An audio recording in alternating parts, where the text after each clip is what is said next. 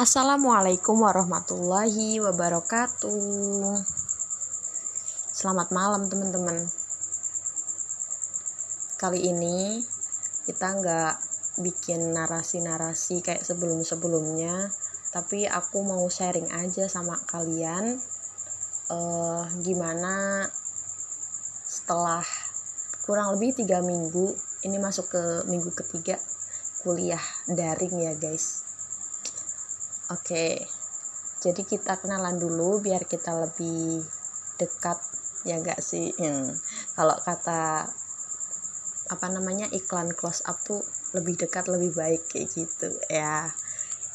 Ya karena kalau kita lebih dekat itu kita lebih apa namanya leluasa menyelipkan nama nama seseorang itu dalam doa-doa kita kan maksud aku bukan yang deket gimana gimana tapi tapi lebih sama ukhuwah Islamiyah dan ukhuwah insaniyah kita gitu. Karena kita sebagai anak cucu Adam sudah sepantasnya untuk saling mendoakan gitu ya guys.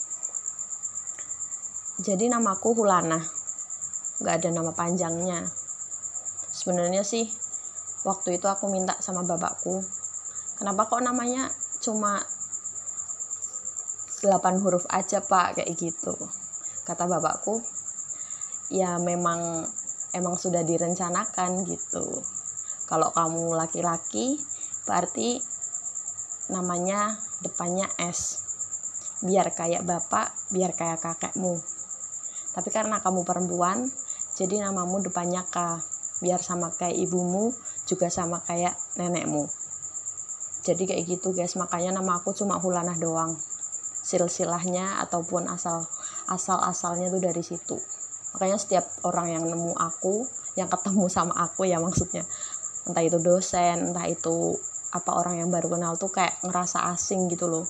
Beberapa orang ada yang bilang fulana beberapa orang lagi ada yang dengernya maulana beberapa orang lagi ada yang bilang wulan beberapa orang lagi ada yang sampai bilang haula bayangin kayak bah dari Hulanah ke Haula tuh jauh banget coy. Nggak bohong. Pokoknya kayak gitu. Tapi overall aku lumayan bangga punya nama itu. Karena selama ini selama aku sekolah ya guys nggak ada yang namanya sama kayak aku. Jadi kayak aku only one only. Cuma satu di apa namanya di Pekalongan ini ya kayaknya cuma aku doang gitu sih nggak rasanya kayak gitu. Oke. okay aku Hulanah guys. Aku mahasiswi semester 3 jurusan ilmu hadis. Mohon doanya ya guys. Semoga bisa istiqomah sama jurusan itu dan pada akhirnya nanti bisa melanjutkan studi ke apa bidang yang aku tekuni saat ini. Gitu. Uh, umurku menginjak 20 tahun. Eh sudah deng jadi udah 20 tahun Desember kemarin. Berarti ini udah menjalani mau kedua satu. Kalau Allah masih kasih aku suatu kesempatan ya insya Allah umurku sampai ke 21 nanti. Kalau emang sudah disuruh pulang ya berarti ya sampai di situ gitu. Aku dua bersaudara kita nih cuma apa namanya ya ibuku cuma anaknya dua sih aku sama adekku nah aku perempuan adekku laki-laki. Jadi kata ibuku e, sudah terwakili gitu loh. Ketika aku tanya sama ibuku pengen punya anak lagi nggak bu? gitu gitu ibuku bilangnya dua udah cukup kayak gitu. Padahal kan aku pengen adik lagi kan guys. Ya udah kayak gitulah intinya Nah, ya harus disyukuri sih. Kita harus mensyukuri apa yang kita miliki. Entah itu kita jadi anak pertama, jadi anak kedua, ataupun anak ketiga dan terakhir, itu adalah rezeki kita. Dan sebagai anak, kita adalah anugerah dari Allah untuk orang tua kita. Dan kita, kita juga diberi amanat sama Allah untuk berbakti sama orang tua kita namanya berbakti itu ya guys. Agak susah kalau kita hanya apa selalu mengedepankan ego kita. Gak jarang aku juga berselisih pendapat dengan kedua orang tuaku. Tapi ya namanya manusia ya. Jadi pemikirannya tuh hanya bersifat relatif gitu loh. Kebenarannya tuh nggak holistik nggak mutlak. Jadi ya kadang memang harus kita mengerem sendiri ego kita agar kita ini bisa menyelaraskan pendapat kita dengan pendapat orang tua kita. Gitu. Uh, yang anak pertama mana suaranya? Ya aku ini anak anak pertama guys. Anak pertama dan punya adik yang namanya anak pertama tuh ya ya kayak gitu. Kadang jadi pengganti orang tua kadang harus apa namanya harus tangguh walaupun sebenarnya ya biasa aja kayak gitu. Kadang juga kita harus kuat gitu kalau menghadapi segala sesuatu. Apalagi kita punya adik dan selalunya lah ya kalau menurut saya ini harus bisa jadi teladan untuk adik kita. Di mana beban jadi anak pertama itu gak mudah. Apalagi kalau dari keluarga ibuku ya guys. Aku cucu perempuan pertama. Jadi kayak nenekku tuh senang banget gitu loh kalau kalau apa namanya aku datang dan ya mereka berharap banyak gitu. Secara nggak langsung itu menjadi beban moral bagi aku sendiri. Yang kadang kita biasa aja kalau di luar tapi aslinya kita punya beban moral yang dikasih sama keluarga kita sama kita sendiri. Sebenarnya beban moral itu bukan untuk memberatkan kita hidup ya guys tapi untuk lebih mendewasakan kita dan agar kita lebih tanggung jawab terhadap apa yang kita emban sebagai anak, sebagai anggota keluarga, juga sebagai cucu. Ya kayak gitu, guys. Oke. Okay. Uh, itu aja sih untuk apa awalannya ya. Selanjutnya aku nggak mau bahas soal asal usul dan sebagainya kalian bisa lah kalau misalnya mau tanya-tanya ya bisa chat bisa DM atau gimana. Tapi tanyanya yang wajar-wajar aja ya. Oke karena untuk tanya ke hal yang spesifik seperti menikah dan punya anak serta gimana gimana jujur aku aku masih planning dan belum tahu itu kapan terrealisasi. Karena aku sendiri masuk ke lembaga pendidikan yang mengharuskan aku untuk menamatkan kuliah serta setelahnya itu mengharuskan untuk ngabdi dan itu nggak boleh nikah dulu. Jadi ya ya memang ya nggak tahu lah ya nantinya gimana tapi yang penting kita jalanin dulu aja lah.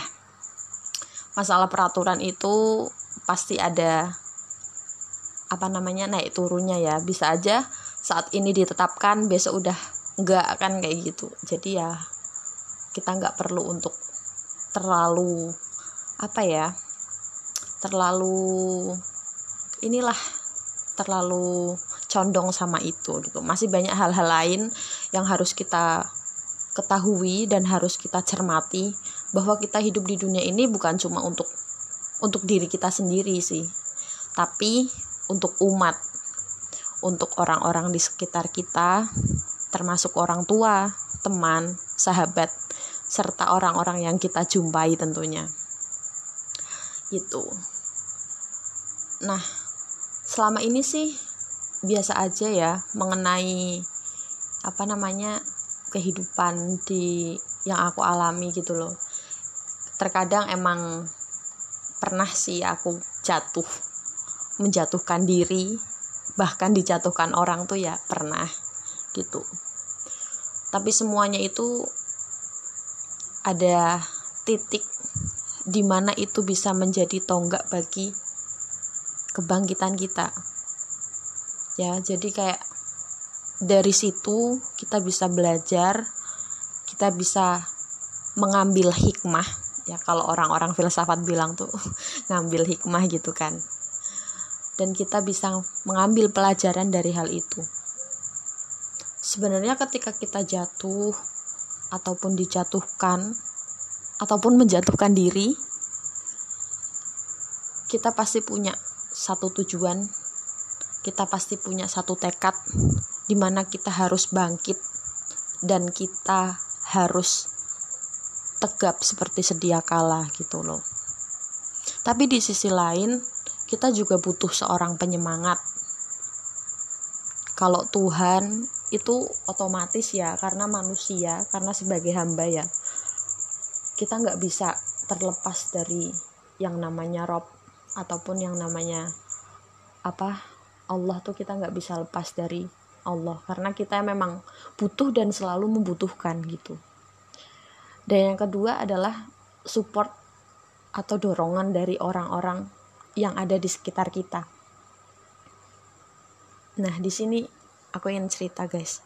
Peran orang tua itu bukan sekedar mendidik kita membesarkan kita dan merawat kita tapi lebih dari itu mereka itu berperan dalam menguatkan mental kita, dalam menguatkan hati kita, serta menguatkan tekad kita untuk mengarungi kehidupan ini. Kalau menurut aku sih kayak gitu, guys. Jadi aku kadang berpikir kayak gini. Terlahir ke dunia itu memang suatu anugerah dari Tuhan. Meskipun kita nggak tahu, kita nggak bisa memilih dari rahim siapa kita dilahirkan. Kadang sebagai manusia ya ngerasa kenapa sih orang tuaku kayak gini gitu? Dan kenapa aku juga kayak gini gitu? Aku pernah ngerasa kayak kenapa aku harus kayak gini dulu? Nggak nggak seperti teman-teman yang lainnya gitu aku terjatuh tuh banyak banyak banget sering gitu. Tapi yang yang membekas itu ya ketika ketika aku lulus kemudian aku nggak seperti teman-temanku yang harus melanjutkan langsung ya. Jadi aku harus gap year dulu. Dan di situ Allah kasih aku suatu hikmah ya biar aku bisa berpikir lebih dewasa. Kemudian aku bisa apa namanya memplanningkan dengan matang kayak gitu. Ya kayak gitulah pokoknya. Aslinya mungkin bagi sebagian orang ya gap itu bukan suatu masalah yang besar gitu. Ya aku juga aku juga sendiri juga menyadari bahwa gap itu ya hal yang wajar kan. Nah waktu itu aku ngerasa kayak kenapa ya teman-temannya bisa dan aku enggak itu sebenarnya bukan enggak cuma akunya sendiri yang kurang bersyukur kayaknya ya waktu itu.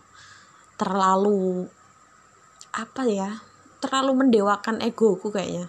Makanya dari situlah Allah sadarkan bahwa nggak sepenuhnya usaha kita itu akan berhasil gitu terkadang memang butuh yang namanya kita jatuh agar kita tuh nggak sok-sokan bisa sendiri gitu loh.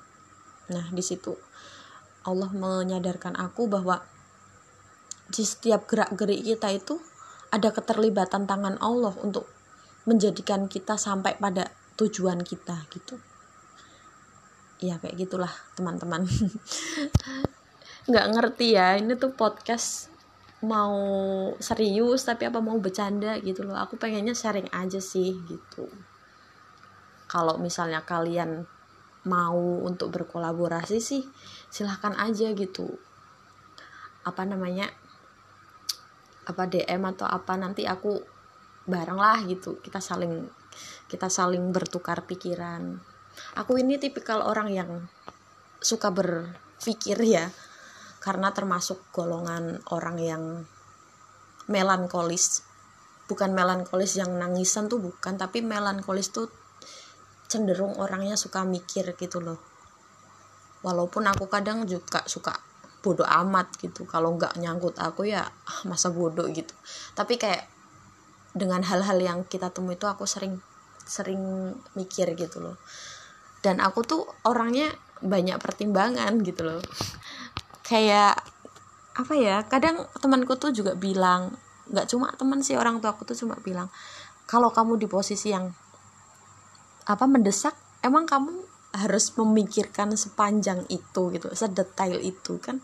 Kan enggak gitu. Abis itu aku ngomong nggak ngerti aku aja naik motor mau cepet aku mikir dulu.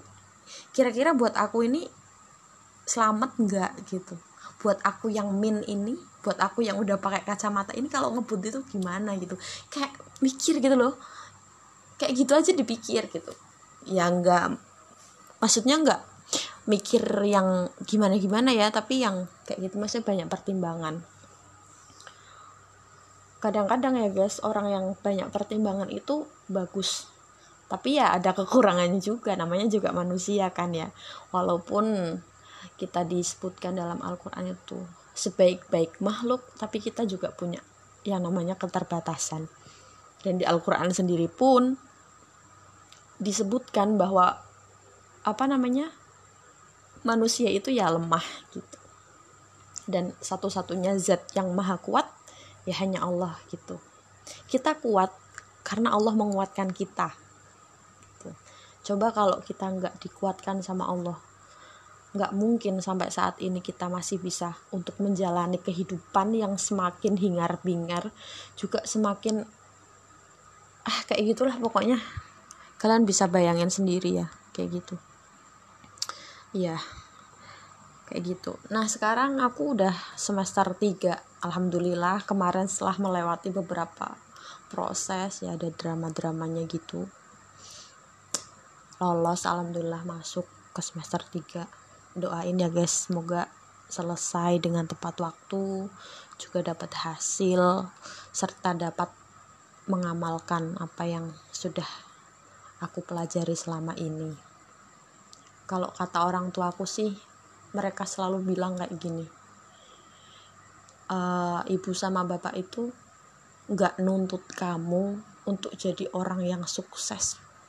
Maksudnya dalam artian secara materi gitu ibu sama bapak setiap sholat apa namanya selalu doain kamu biar jadi orang yang berguna kayak gitu. Kamu nggak harus jadi orang kaya nggak. Yang ibu takutkan kalau kamu jadi orang kaya kamu akan lupa. Kamu akan lupa lalu kemudian sombong. Ibu nggak mau punya anak yang kayak gitu. Makanya setiap ibu doain ya biar kamu jadi orang yang bersahaja dan tawadu gitu loh. Karena nggak semua orang yang berilmu itu bisa tawadu gitu. Ibuku kalau bilang sih kayak gitu ya nggak tahu. Ibuku doainnya mungkin lebih daripada itu. Bapakku juga uh, apa kita aku sama adikku tuh apa namanya punya dua kepribadian yang berbeda ya. Bisa dibilang aku lebih condong ke eksak sedangkan adikku ke ini non akademik masing-masing kita punya perbedaan lah punya kelebihan masing-masing dan kekurangan masing-masing. Kayak gitu. Aku pernah bimbang jujur pernah bimbang. Bukan milih apa namanya bukan milih apa ya bukan milih siapa itu enggak. Tapi dengan diriku sendiri gitu. Sebenarnya aku mau ke mana setelah lulus nanti lulus SMA nanti kayak gitu. Dari dulu aku termasuk orang-orang yang ini loh guys suka mentargetkan gitu. Ya bisa dibilang visioner sih tapi bukan bukan yang pragmatis gitulah enggak. Tapi visioner. Lebihnya tuh kayak gini kalau aku punya hajat aku punya niat aku tulis gitu. Sampai dulu tuh kurang lebih ada dua sampai tiga kertas folio lah ya. Eh tiga lembar apa? Tiga kalau dihitung itu ada seratusan. Nah gitu. Salah satunya ya masuk ke perguruan tinggi yang ini yang di luar negeri. Tapi waktu itu kayak masih orientasinya tuh ke Oxford kalau nggak ke Harvard.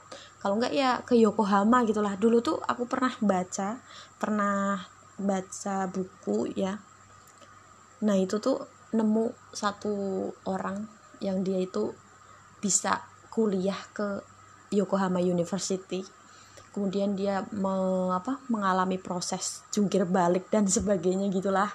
Nah tapi dia bisa survive dan pada akhirnya dia dia bisa jadi rektor ataupun dosen di sana gitu. Dan aku tuh sangat excited gitu loh sama ceritanya. Kayak aku tuh bayangin ya ya kayaknya aku kalau kayak gini ngikutin jejaknya bapak ini kayaknya keren gitu lah intinya kayak gitu.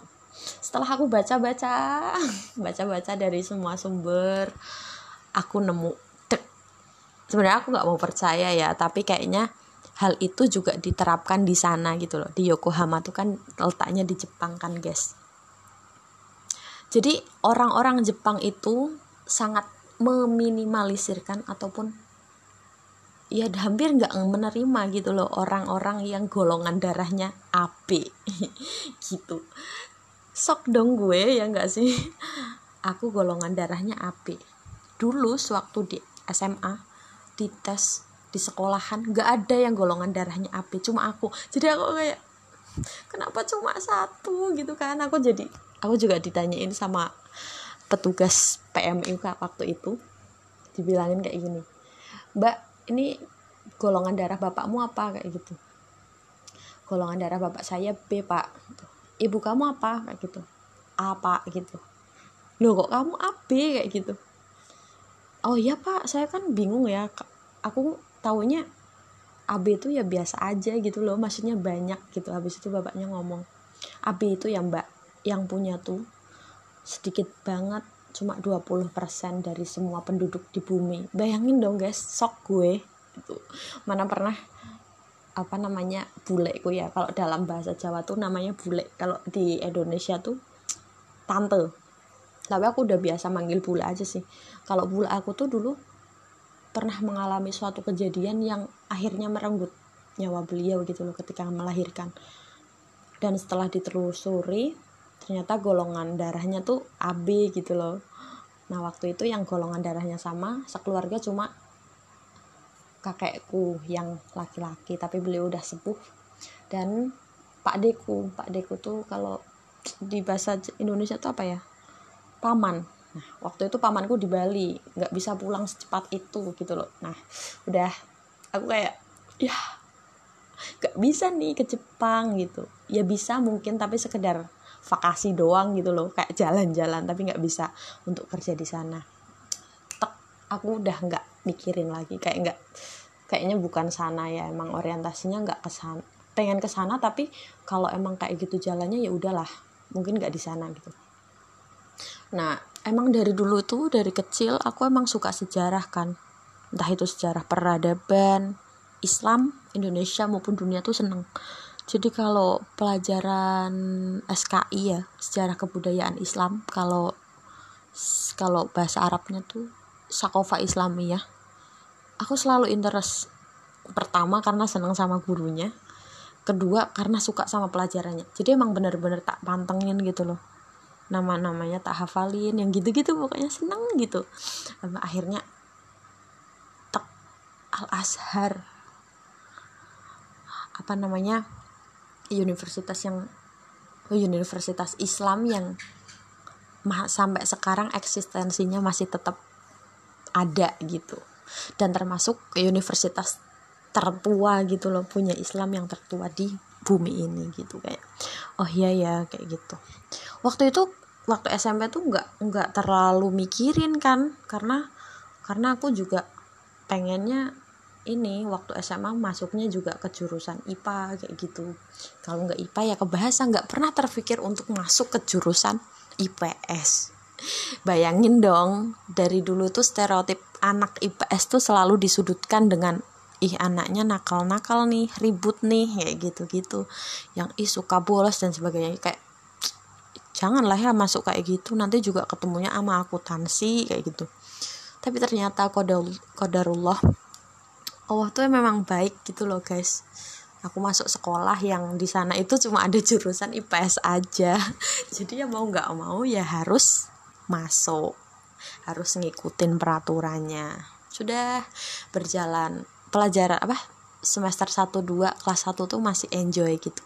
Masih ketemu sama IPA kayak biologi kimia habis itu fisika masih ketemu gitu loh seneng walaupun gak interest banget waktu itu. Pernah diikutin lomba. Lomba yang kayak apa namanya apa sih OSN apa ya? Tapi kalau di madrasah tuh namanya KSM nah gitu-gitu. Itu pernah dapat juara. Tapi padahal aku tuh ngerjain kayak layah mutua layah ya gitu loh guys. Kayak sadar gak sadar. Tapi beneran gak nyontek sih tapi beneran kayak gak sadar gitu loh ngerjain yang ngerjain aja kayak gitu. Sampai jurinya waktu itu bilang mbak diteliti dulu nggak usah keluar kayak gitu. Ah udah bu ah kayak gitu. Udah pusing aku kayak gitu. Keluar dulu lah aku udah. Ternyata masuk.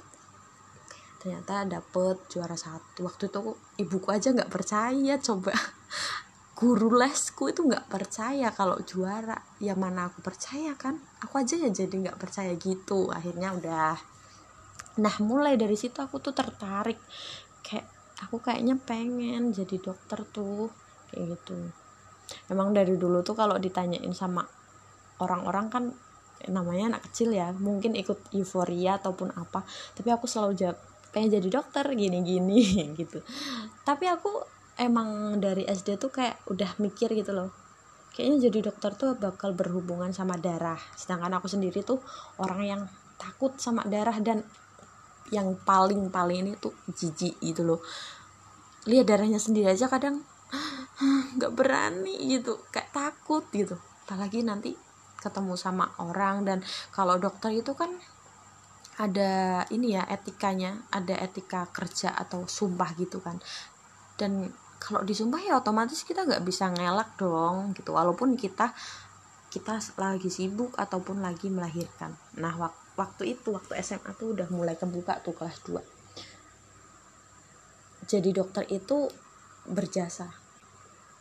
Tapi juga perlu pengorbanan yang kuat gitu.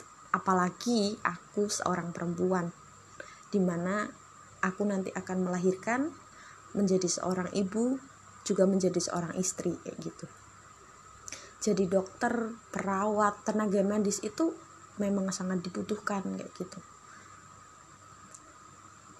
Nah mereka harus mengorbankan kepentingan pribadi demi masyarakat dan umat kayak gitu. Dari situ kayak aku mikir apa aku bisa gitu loh. Nah pertama itu. Kedua aku loh sekolahnya di apa gitu loh di SMA apa yang jurusannya tuh cuma IPS gak mungkin dong gitu gitu habis ya udahlah tertupuskan. Nah pada akhirnya setelah denger dengar dari mana-mana gitu kan ada beasiswa hafidul Quran. Bagi orang-orang yang udah hafal Quran dan dia mungkin itu bisa.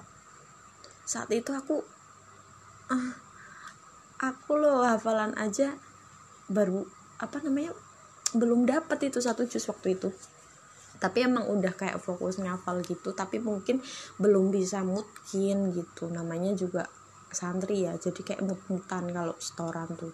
Nah mulailah dari situ aku kayak ya Allah aku kalau memang apa aku kayaknya mau kayak gitu. Aku mau mau hafalan Quran dan sebagainya agar aku bisa ini masuk ke kedokteran nah suatu ketika aku ketemu sama ibuku waktu itu ngomong sama ibuku bu kalau orang yang hafal Quran itu kalau mau masuk kampus dikasih beasiswa loh kayak gitu. Ibukunya bilang gini kalau kamu mau hafalan Quran tapi kamu punya tujuan lain biar masuk kampusnya itu dapat beasiswa beasiswa kedokteran atau sebagainya kamu salah. Nanti kalau kayak gitu kamu di setengah jalan kamu bakalan ngerasa apa namanya bosan kayak gitu. Karena tujuanmu hanya untuk kepentingan dunia kayak gitu. Coba kamu hafalan Quran niatnya untuk menjadi wasilah buat ibu kamu buat ayahmu buat bapakmu gitulah. Aku kan manggilnya bapak. Jadi kayak gitulah. Coba kamu hafalan Quran biar kamu jadi anak solehah biar kita bisa masuk surga bareng. Dari situ aku mulai bener emang apa ya sesuatu yang kita niatkan tujuannya bukan untuk Allah tuh iya apa sih mungkin mungkin untuk sebagian orang kelihatan mulia ya tapi tapi di mata Allah itu nggak ada apa-apanya gitu. Jadi ibaratnya tuh kayak kita capek-capek tapi nggak dapat pahala gitu. Ibarat kasarnya sih kayak gitu tapi ya udah akhirnya aku ngerenungin kan ya udah kalau memang kayak gitu ya aku harus menjalani apa yang ada di sini aja kayak gitu. Untuk masalah nanti aku kuliah di mana yaitu udah termasuk ke dalam sesuatu yang Allah tulis di lauhil mahfud kayak gitu aku. Setelah kelas 3 pengen gitu loh. Kayak pengen. Soalnya temanku tuh daftar di universitas yang aku pengenin coy. Walaupun itu universitas swasta ya tapi kan tapi kan aku pengen ke sana dulunya. Emang dari dulu tuh pengen ke sana gitu. Dan dia daftar aku yang nganter. Aku ikut ke sana gitu loh. Jadi kita berdua tuh kayak udah sepakat nanti aku aku ngambil jurusan akuntansi terus kamu mau jurusan apa? Kayak gitu gitu aku mau ambil geografi kayak gitu. Aku tuh kayak spontan gitu loh mau ngambil geografi. Geografi apa? Kayak gitu. Geografi murni apa pendidikan? Kayak gitu. Yang murni dong nanti biar bisa ini bi biar bisa apa namanya pokoknya biar nanti jadi BMKG lah gitu. Namanya juga anak SMA ya jadi kata-katanya tuh lagi nggak nggak teratur gitulah intinya apalagi aku mikirnya gini dulu apalagi apa namanya ilmu di perlautan ataupun oceanografi itu sangat dibutuhkan banget. Indonesia loh terdiri dari beberapa pulau dan dikelilingi sama sama lautan-lautan. Kebayang dong kalau misalnya aku jadi salah satu di antara mereka pasti bang pasti apa namanya prospek kerjanya bagus kayak gitu. Aku mikirnya gitu guys. Astagfirullah banget emang yang dipikirin dunia doang. Nggak ngerti lah ya. Namanya juga anak ya anak yang baru tubuh lah intinya baru baru dewasa gitu. Habis itu aku ngomong sama ibuku bu aku kok kayaknya pengen ini sih ngambil yang oceanografi ibu kan termasuk orang awam yang dalam apa namanya jurusan-jurusan gitu kan nggak ngerti-ngerti banget ya. Jadi ibu ngomongnya apa kuy kayak gitu. Kalau di bahasa Indonesiain apa itu? Kayak gitu. Mbok ya ambil jurusan tuh yang jelas gitu loh. Jangan yang kayak gitu-gitu. Kayak gitu ibu. Bilang. Habis itu ibuku bilang ibu bakal seneng kalau salah satu dari anak ibu ada yang menekuni ataupun kuliah di bidang agama kayak gitu. Barangkali jadi wasilah buat kita berdua gitu. Bayangin dong guys kayak gituin udah kayak udah bangun bangunan habis itu runtuh. Ngelak dong aku. Ya tapi kan aku pengen ini yang kuliah loh siapa kayak gitu habis itu ibunya ya cuma saran sih ibu cuma minta ya berharap aja biar kamu ngambilnya jurusan agama kayak gitu. Biar jadi guru agama atau apa kayak gitu. Karena kalau memang nyari apa namanya nyari orang-orang yang yang apa namanya yang kayak gitu yang fokus sama dunia tuh banyak. Tapi kalau yang peduli sama agama tuh sekarang udah nggak sebanyak apa namanya nggak kayak dulu gitu loh. Jadi makin sedikit ini juga udah apa namanya akhir zaman yang gitu-gitu kayak gue tuh jadi takut dong gimana nggak takut coy. Kayak ah gitu lagi lah. Terus aku ngomong nah habis itu ternyata dipanggil kan sama sama capsek waktu itu. Dibilangin di sini mau ada ini loh Hulana. Mau ada seleksi ke Timur Tengah. Karena aku bingung ya orang dulunya juga. Jadi aku tuh termasuknya orang-orang yang ini yang diwajibkan buat ngabdi gitu. Jadi aku kayak nggak mikir waktu udah mau lulus tuh ya ya udahlah. Teman-temanku ikut SPM teman-temanku daftar ya udah. Emang aku disuruh ngabdi ya gimana lagi gitu kan. Tapi ternyata waktu udah mepet udah selesai ujian sekolah kalau nggak salah. Pokoknya itu hari terakhir. Aku aslinya mau pulang hari itu tuh kayak udah penat gitu loh ujian terus di di situ. Aku pengen pulang kan. Udah ternyata dipanggil sama capseknya waktu itu. Eh bukan capsek. Apa ya? Bagian kurikulum. Nah gitu. Nah dibilangin gini ini Timur Tengah buka buka ini loh tes. Negara tujuannya ada empat Mesir Sudan Lebanon sama Maroko kayak gitu. Kamu tertarik nggak? Gitu. Dua orang waktu itu sama temanku. Gila coy. Mesir itu ada Al Azhar dan aku emang emang interest ketika pelajaran SKI emang kayak wah Al Azhar nih gitu. Kalau misalnya ini apa namanya kita bisa emang kalau kata orang tua kan orang tua pengennya belajar apa kita belajar agama gitu loh. Kalau aku mikirnya ya kalau kita belajar agama ya afdolnya memang ke tempat atau ke masdarnya gitu loh ke masdarul ulumnya kayak gitu. Di situ aku masih bingung kayak ini tuh beneran gak sih? Masa lo kan aku disuruh ngabdi masa tiba-tiba suruh ini ini beneran gak sih? Kayak gitu-gitu akhirnya aku nelpon sama orang tua aku jadi aku tuh sekolahnya berasrama guys berasrama gitu. Nah aku nelpon orang tua aku nih. Bu uh, kalau misalnya aku disuruh daftar ke ke Timur Tengah boleh nggak? Ibuku nggak langsung jawab. Iya nanti didiskusikan dulu sama bapak gimana kayak gitu. Habis itu dijenguk sudah dijenguk. Habis itu bapak ngomongnya iya kalau memang kamu mau ke sananya itu untuk belajar untuk nyari ilmu jauh atau dekatnya bapak nggak masalah kayak gitu. Yang penting kamu satu bisa jaga diri dua menjaga syariat. Maksudnya dalam artian nggak bebas gitu pergaulannya. Tiga kamu tahu tanggung jawabmu sebagai anak di mana pun tempatnya harus berbakti sama orang tua gitu. Tapi waktu itu ngomongnya pakai bahasa Jawa. Ya masa aku ngomong pakai bahasa Jawa kan pendengarnya nggak cuma orang Jawa doang kan? Nah ibuku bilang ya nggak apa-apa kalau mau ke sana dicoba aja dulu gitu. Nah sudah terbuka kan guys? Jadi aku nyoba waktu itu. Aku temanku sama temanku dua itu cewek sama cowok. Kita tes tes gitu. Habis itu sebelum tes ibuku bilang kayak gini uh, sebenarnya ibu tuh pengen kamu kuliah itu tujuannya bukan untuk cari prospek ataupun nyari apa namanya buat nyari kerja intinya buat kayak gitu. Bukan tapi biar kamu itu memang benar-benar cari ilmu gitu apa yang belum kamu tahu kayak gitu. Kalau kamu tujuannya itu, kuliah itu hanya jembatan untuk kamu bisa dapat kerja di masa depan nanti ya kenapa nggak kerja sekalian aja sekarang gitu. Waktu udah lulus kayak gitu. Jadi buku emang pesennya ya cari ilmu ya buat cari ilmu benar-benar cari ilmu buat ibadah biar kita tahu apa yang belum kita ketahui kayak gitu. Ya aku pak waktu itu nggak ngerti kan.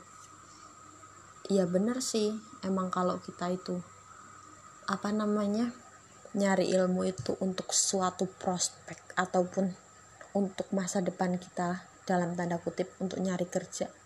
Itu ketika kita dapat eh ketika kita nggak dapat jurusan yang kita inginin misalnya teknik mesin gitu loh. Kan teknik tuh cenderung banyak peminatnya dan menjanjikan gitu.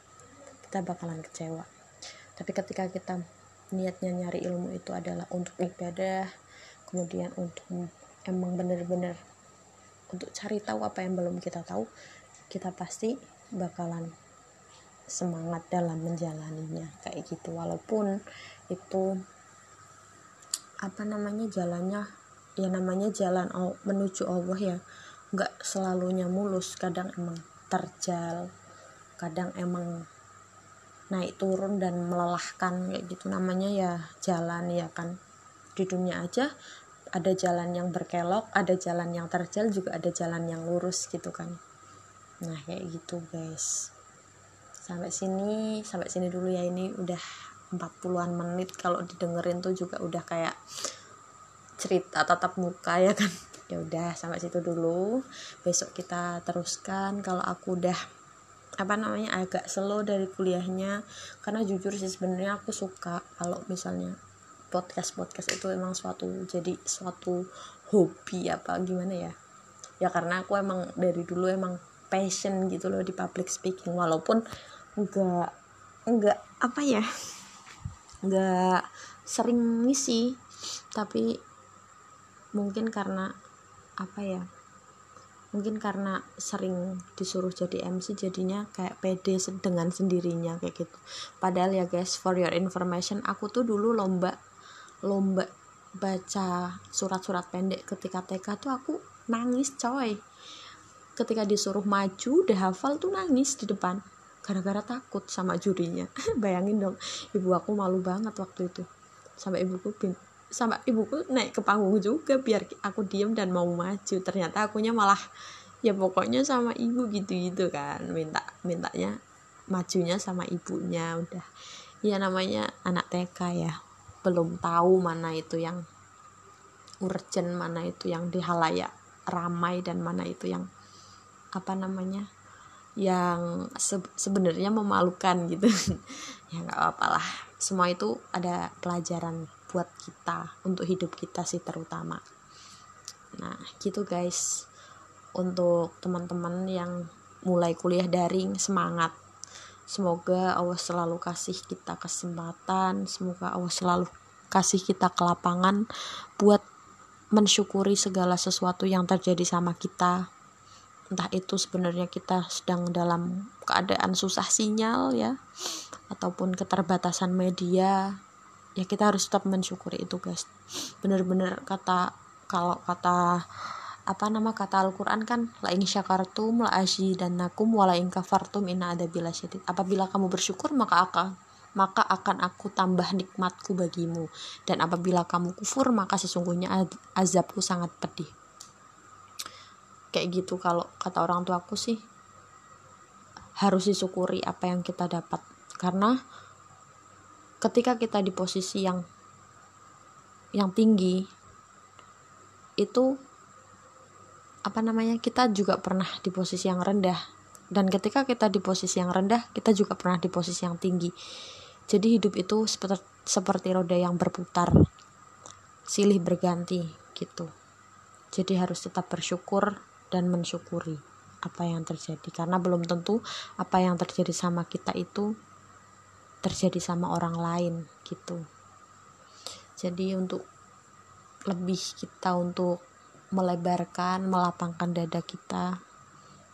Semoga kita termasuk orang-orang yang selalu diberikan kesabaran sama Allah dalam menghadapi segala apa pun dalam situasi apa pun. Entah itu situasi yang sulit menurut kita sendiri ataupun sulit bagi banyak orang ya seperti pandemi ini. Itu aja sih guys dari aku. Aku nggak ada maksud untuk menggurui aku nggak ada maksud untuk apa namanya untuk menjatuhkan pihak mana pun. Tapi aku mau sharing uh, semoga kita semua bisa mengambil pelajaran terutama sih aku sendiri ya. Biar apa namanya biar bisa nggak sekedar ngomong aja tapi merealisasikan. Kayak gitu. Tetap semangat. Ingat guys ketika kita lelah ketika kita capek jangan sampai kita berhenti. Maksudnya berhenti di sini tuh bukan apa namanya bukan istirahat bukan tapi udah nggak mau berusaha lagi. Kita capek kita lelah kita boleh beristirahat. Kita bo boleh untuk healing untuk apa namanya menemukan jati diri kita lagi dan kemudian kita berjalan gitu. Dan gunanya bersyukur adalah untuk kita melihat ke belakang kita sudah seberapa jauh melangkah. Orang-orang orang-orang yang selalu mendukung kita itu mereka adalah anugerah banget dari kita guys. Kita harus mensyukuri itu gitu semangat kuliahnya. Yang di luar negeri di dalam negeri ataupun di luar apalah itu terserah. Pokoknya kalian harus semangat. Ingat belajar itu untuk mencari ilmu untuk beribadah dan untuk mendewasakan kita. Bukan hanya untuk mengejar IPK bukan hanya untuk mengejar gelar. Bukan untuk menjadi mulia di mata manusia tapi menjadi mulia di mata Allah dengan ilmu yang kita punya Terima kasih telah mendengarkan podcast ini. Semoga aku selalu apa namanya? selalu bilang semoga ya. Dan terkadang memang aku spesifikin dengan orang-orang yang aku temui, mungkin aku sebut dia dalam doaku ya untuk kebaikannya. Untuk kadang juga aku minta sama ibuku karena kan salah satu doa yang paling mustajab di dunia ini adalah doa orang tua terutama ibu. Jadi aku minta sama ibuku untuk mendoakan orang-orang yang telah berperan dalam dalam hidupku. Entah itu ngasih efek positif sekecil apa pun itu aku aku minta ibuku doain dia biar dia selalu diberi keberkahan rahmat dan juga kebahagiaan untuk hidup di dunia dan di akhirat. Terima kasih, sampai jumpa di podcast selanjutnya. Wassalamualaikum warahmatullahi wabarakatuh.